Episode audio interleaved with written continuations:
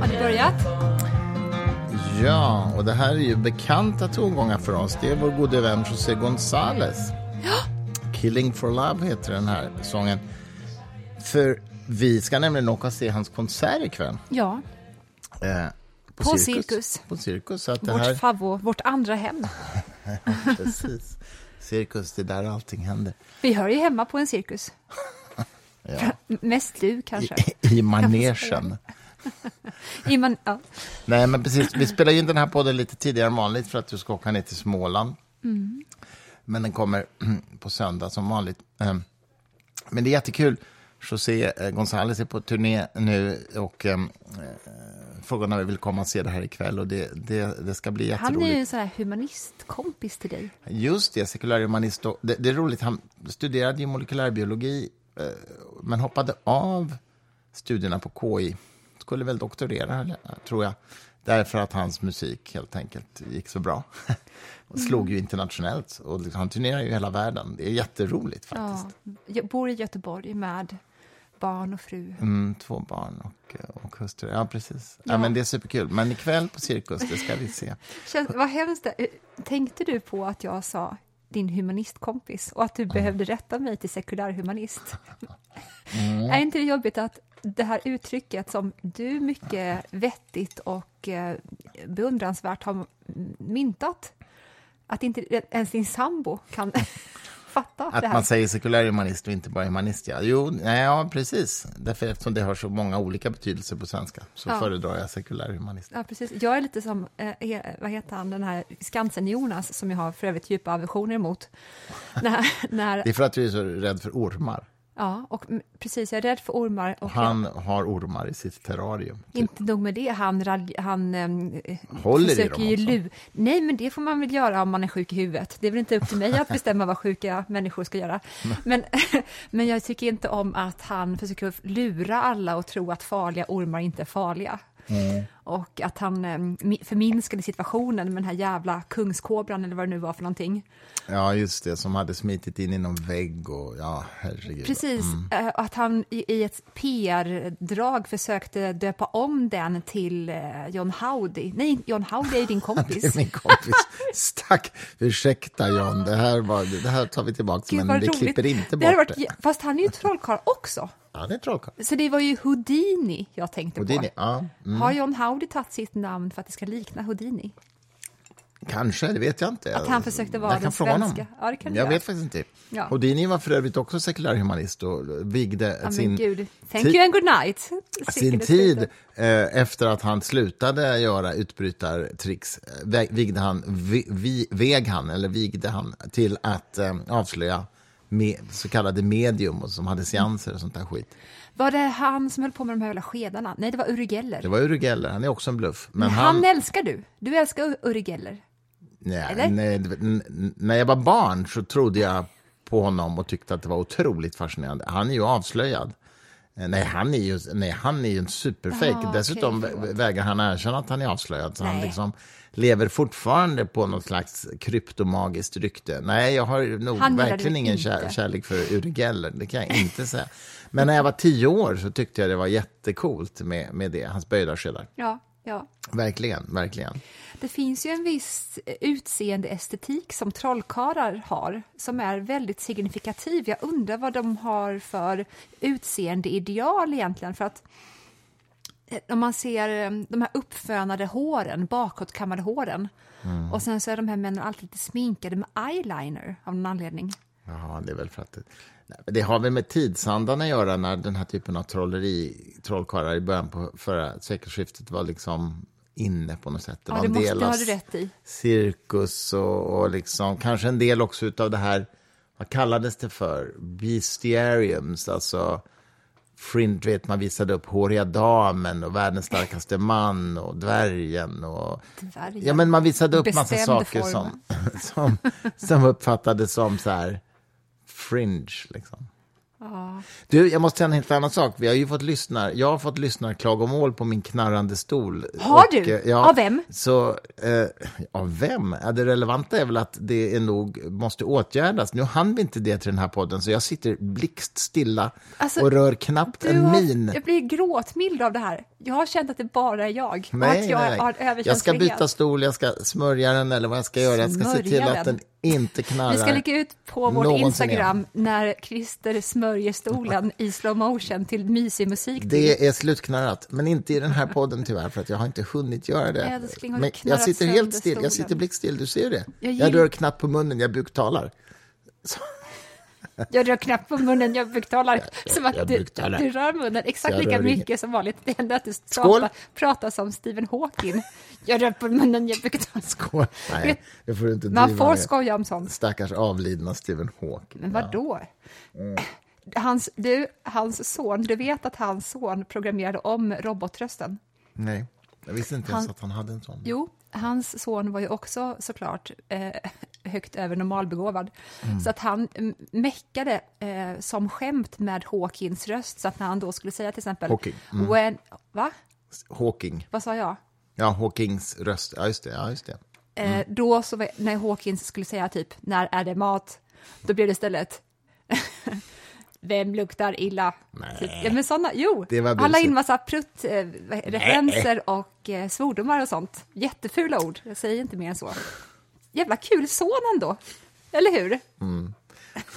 Något. Va?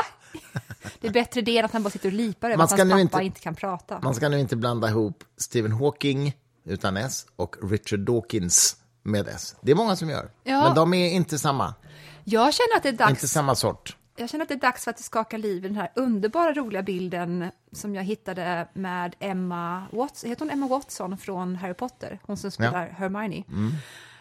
Någon genial människa i England, I propose, eller antar jag, har ju sett att hon, Emma Watson, är en kopia av Richard Dawkins. Att de har samma ansikte. Va? Det är bara det att Emma är en eh, mycket yngre tjej, men det är samma person. Jag ska lägga ut den på vår Instagram. Den är underbar. Herregud, det hade jag faktiskt ingen aning In om. och följ oss där förresten. Den gyllene grenen heter vi, tror det eller ej. Apropå det så kom ju min bok nu i pocketutgåva i England. Jag fick omslaget här nu på igår faktiskt. Och, och, och, Den lägger vi ut där och Richard också. Dawkins har skrivit en gullig blurb på den pocketen. Det är roligt. Ja, han var ju här hemma tillsammans med Stellan Skarsgård, om vi nu får Mm. Ja, är vara några- så skrytiga. Några månader sedan. Han sa en enda sak till mig under hela kvällen. Kommer du ihåg vad det var? Dawkins alltså. Ja.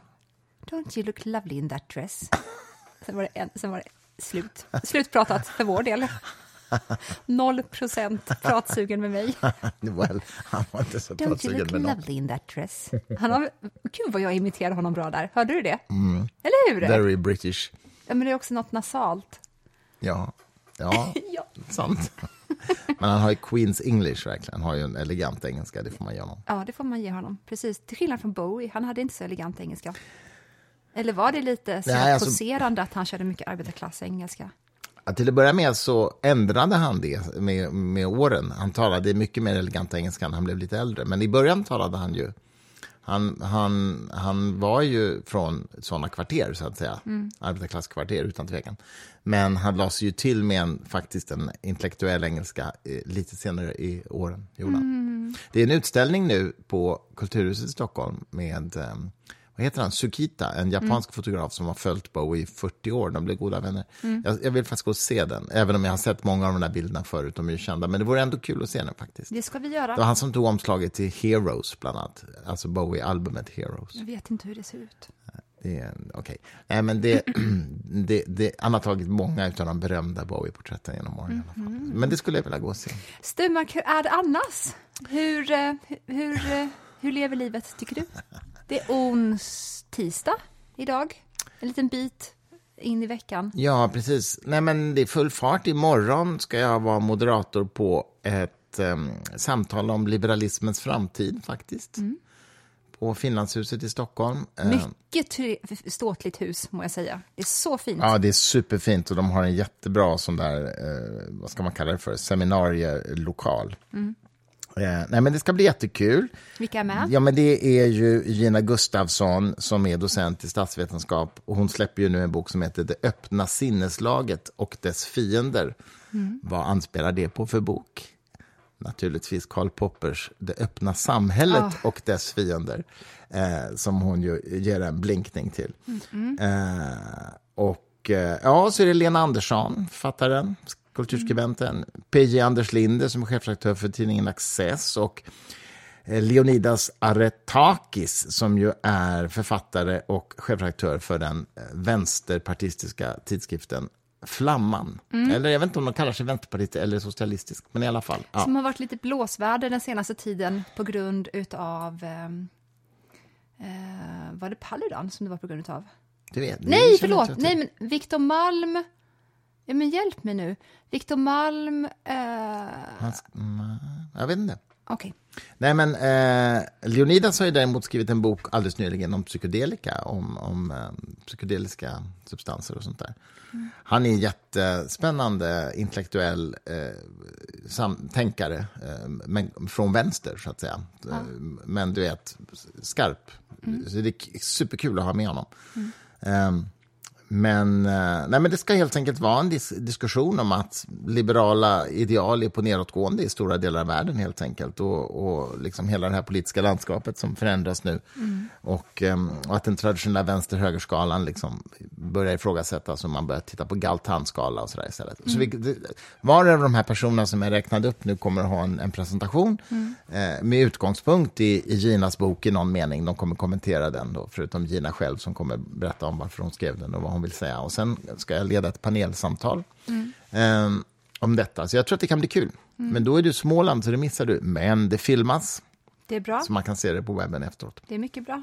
Nej, men annars så har ju vi eh, börjat titta på den här, tycker jag, jättesevärda serien om eh, Litvinenko, giftermordet på Litvinenko. Och det, den är faktiskt bra och obehaglig för att den faktiskt handlar om verkligheten. Mm. Det vet han 2006 som blev giftmördad i London mm. av polonium. Mm. Och eh, Ulf Ellervik, vår författare, har skrivit en bok om, om giftmord där han ägnar ett kapitel åt honom. Alltså det är så otroligt fascinerande. Polonium är ju ett grundämne som upptäcktes av Marie Curie, döpt efter Polen, som är hennes hemland. Polonium. Ja. Eh, och det är så att alla grundämnen kommer ju i en grundform som är själva grundämnet, men sen kan de kom, komma i olika isotopformer där atomkärnan har fler neutroner än vad de normalt sett har i sitt grundtillstånd. Mm. Grundämnet definieras ju av vilka, hur, hur, många protoner som finns i atomkärnan. Och Det är det som avgör om det är liksom guld eller väte. Så att säga. Mm. Men sen kan de ha olika antal neutroner också. Till exempel väte kan ha Väte har normalt sett ingen neutron, men om den har en neutron så är det tungt väte. Och, och då det, kan det vara en del av tungt vatten, till exempel. Eh, Polonium, det här som man använder som gift, det är en isotop. Det är alltså en sån utökad version. Och de är inte stabila, utan de sönderfaller. Just det här, det här giftet sönderfaller på 140 dagar, så att efter 140 dagar är det bara hälften kvar. Så att säga. Mm. Och det är så himla finurligt, därför att det är å ena sidan helt ofarligt att gå runt med, därför att du kan ha det i en papperspåse och, och radioaktiviteten kommer inte ens igenom pappret. Så Nej. du kan lätt ha det i fickan utan att det är någon fara. Men om du får ner det, om du sväljer det. Men om du får det på huden då? Ja, om det kan ta sig igen, alltså om du har ett sår så att det kan ta sig in i kroppen okay. så är det farligt. Men inte bara liksom om huden är som vanligt. Ja. Um, men, men i det här fallet så la de det i en tekanna och fick honom att dricka ett par klunkar te. Ja. Och då är det alltså så att den här poloniumisotopen är världens farligaste ämne. Ett, ett gram. Lyssna på det här nu. Ett gram räcker för att ta livet av 50 miljoner människor. Man kan inte ta in det riktigt. Jag förstår ju inte då, um, som jag sa till dig när vi pratade om det här tidigare, Ifall det är så att vissa länder är helt övertygade, som de är, om att de har en sån, eh, såna farliga fienden, fiender som de mm. tror sig ha, varför skickar de inte bara ut såna här gifter eh, i massa, massiva attacker till de länderna och bara utplånar de här fienderna som Ja. de upplever att de har? Mm. Det är en bra fråga. Jag, jag, jag vet inte. Jag tror till exempel att det är väldigt svårt att tillverka det här. Så det finns i väldigt små mängder. Det är ena. Och det andra är att det, det faller sönder så snabbt så att har man väl tillverkat det så är det liksom, måste man använda jävligt snabbt. Ja, men det, det känns som att de borde kunna lösa det ändå. Det, här. Kanske. Och sen är det ju då så att man måste... Ja, nej, men jag, jag kan, jag kan det är inte. det som lite den här boken Pilgrimen handlar om. Mm. Han som tillverkar, inte ett sars-virus eller vad heter nej, Jag vet inte.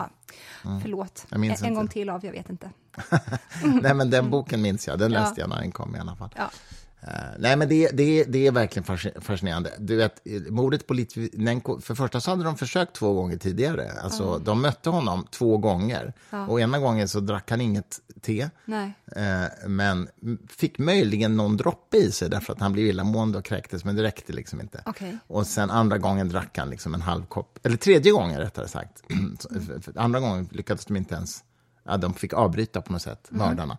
Tredje gången så drack han en halv kopp te. Ja. Och du vet, den strålningen då inne i kroppen, den trasar sönder DNA, den trasar sönder cellerna. Du vet, det Hur är ont så... har han haft? Det är en bra fråga och det är så kört. Alltså det finns inget sätt att rädda, honom då. Och han låg ju ändå några dagar på sjukhus. Ja, så de hann intervjua honom. Ja, det, det är också så bisarrt. Han, han berättade liksom hela historien om mordet på sig själv innan han dog, för polisen. Ja, det, det, Otroligt. Men jag tycker också så obehagligt, vad heter han som, förlåt min hjärna är inte helt på idag. men det är Eh, lugnt. Han som sen återvände till Ryssland, den senaste. Navalny? Navalny, Mm. precis. Det är så obehagligt för att när han inser att han är förgiftad, då är han ju ombord på ett plan. Ja, just det. Och jag tycker det är så otäckt att läsa de här beskrivningarna av hur, han, hur det låter när han skriker. För de smärtorna som han har då, hur han skriker är Ja, det ja, ja. Sjukaste. ens Och ingen kan hjälpa honom. Han, bara han slänger sig runt, han bara vrider sig på golvet. Vad, ska de, vad gör man? Just att är ombord på ett plan, vad ska man göra? Det var inte polonium, tror jag. Det var något Nej, annat eh, ja. Mm. gift, men jag minns inte vilket. Men, eh, men visst, det är jävligt otäckt. Alltså. Det är fruktansvärt otäckt. Jag vet att i polisutredningen efter Litvinenkos död så försökte de tracea var mördarna hade rört sig. Jag tror att de kunde detektera polonium på över 700 Mm. platser. Men ingen annan människa kom till skada. Nej, så de kunde se då att det har varit, det är så pass eh, starkt så att det lämnar avtryck efter sig Ja. utan att för den delen då ha skapat någon större skada Nej, där. för det kommer inte in i kroppen. Så att Nej. säga. Så själva strålningen i sig utanför kroppen är, ingen, är liksom inte farlig. precis. Ja, my- mycket, mycket dramatiskt. Den är sevärd faktiskt, Mycket, den här eh, brittiska tv-serien. Jag har ju mer snöat in på nu då mm, eh, dokumentären om Apocalypse Now. Jag vill prata med alla om den här stup i kvarten. Jag vill skriva till alla om det. Så, har ni sett den och vill, vill prata med någon så skriv till oss på Instagram, går också bra. För att jag har aldrig sett något liknande faktiskt. Den, eh, den målmedvetenheten som Coppola uppvisar är otrolig. Och jag älskar hans fru som för övrigt också har gjort den här dokumentären. Hon måste ju vara någon form av helgon för att så pass insiktsfull och tålmodig och fokuserad på rätt saker som hon är, är tänker jag, hon måste vara en upplyst människa nästan. Alla andra partners eh, till någon som är i en sån mani som Coppola var i hade ju varit rädda och tänkt nu har han satsat hus och hem här och hela vår framtid. Alla pengar som han lyckades dra in ända från Gudfadern-filmerna som vi ska ha till college till våra barn och sånt där. Allt trycker han in i det här projektet. Och det finns ju en sån här gammal sägning i Hollywood som heter never risk your own money om man ska producera en film. Lägg aldrig in di- dina egna pengar. Det är det första Coppola gör efter Gudfadern-filmerna. Och istället för att då vara ett nervvrak så sitter hon och pratar högt och tänker inför kameran om, om det här som de befinner sig i, vilket är en helvetesinspelning som aldrig tar slut. Budgeten bara växer och växer och växer. Och ehm, eh, problemen blir bara fler och fler och fler istället för färre. och hon är så här, ja, men Francis, han är en äkta konstnär. Och då måste man satsa allt man har. För att det är konstnärens uppgift. Och eh, nu har vi köpt det här jättestora huset som vi hade råd med. Då. Vi har massa bjudningar där och då visar de filmer från de här bjudningarna. Hur liksom all, Jack Nicholson, alla går runt där och minglar runt. Och hon bara, vi har ju levt väldigt, väldigt högt och jag har inte trivts så bra med det egentligen så att om vi måste skala ner och börja om från början igen, det gör ingenting. Hon är helt lugn när hon säger det här också. Jag älskar henne. Ja, ja, otroligt. Jag, Häftigt. jag känner igen dig och mig lite grann i, do, i, i dem också. Mm. Både du och jag är sådana här, äh, det här ska bara gå-människor. Ja. Och sen jobbar vi, du och jag, tills det bara går. och ifall någon av oss stöter på lite bumps in the roads eller patrull någonstans, då blir vi omedelbart väldigt centrerade och skalar Mm. ner alltihopa. Och så säger vi, men det enda som betyder något, det är att vi har varandra och vi är friska. Allt annat ordnar sig, allt ordnar sig. Mm. Jo, visst. Nej, men så är det ju. Så är det ju. Nej, men det, jag har sett den där filmen, men det är ju typ hundra år sedan. Men den bygger väl i någon mening på Joseph Conrads Mörkrets hjärta. Den bygger bara på den boken. okej. Mm. Den är ju förvånansvärt tunn. Den är ju bara typ 80-90 sidor. Jaha. Faktiskt. Vilket gör då att man ännu mindre begriper varför i helvete Marlon Brando inte kunde ha läst den där boken då Mm. inför att han ändå ska spela. Kunde, hade han inte det? Nej. Han, för det första så förhandlar Marlon Brando till sig en miljon dollar i månaden tror jag, eller är det veckan? Nej, Skitsamma. Låter, ja, okej. Jo, men det är sant. Ja, okej. mm. Det är sant. Varför tror du inte det? Nej, det lät så sjukt mycket bara. Ja. Men han var ju Marlon Brand, Brando. Han var, också. störst, han var störst i Hollywood efter Gudfadern. Ingen var större än han. Eh, men då när han väl kommer då till inspelningsplatsen, då har de ju kört ett tag. Och eh, alla fel som har gått fel har ju, har ju hänt, alltifrån att Martin Sheen har fått en hjärtattack till att... Ja, just det. Det såg jag snett Ja. så Han när var de, så alkad, va? ja, och rökte tre paket cigg om dagen. Och sen så var det också att han, han pressade sig själv så emotionellt under inspelningen, så att han, det kom upp massa saker i honom som jag tror inte han klarade psykiskt, helt enkelt. Som förmodligen låg till grund för att han också var alkad. Eh, Men när, Mar- jag säger alltid Marlowe, men han heter Marlon. När Marlon väl kommer, då ska han ju spela då den här förrymda generalen som eh, Vietnam, eh, Ma- Martin Sheen ska hitta och döda. För att han har ju spårat ur Marlon Brando och har ju blivit någon form av infödingsherre istället i djungeln. Men då är Marlon jätteöverviktig. Han ska ju vara en general, som en muskisman. Han lovar att träna upp sig. Han har ju inte tränat en sekund, han har ju bara ätit. Så han är ett, ett mansfetto, helt enkelt. Och då tänker Francis direkt, hur ska jag göra med det här? Jag måste liksom bygga om hela hans karaktär i så fall. Och då kommer han på att, okej, men jag kan göra honom till en sån här jovialisk figur som bara äter och har kastat sig till ett motsatt liv än vad armén gav honom tidigare. Det vill säga någon som bara äter och när han rör sig runt i den här stammen då har han två så här tonårsbrudar vid sin sida som lever med honom. Alltså en sån person om du förstår.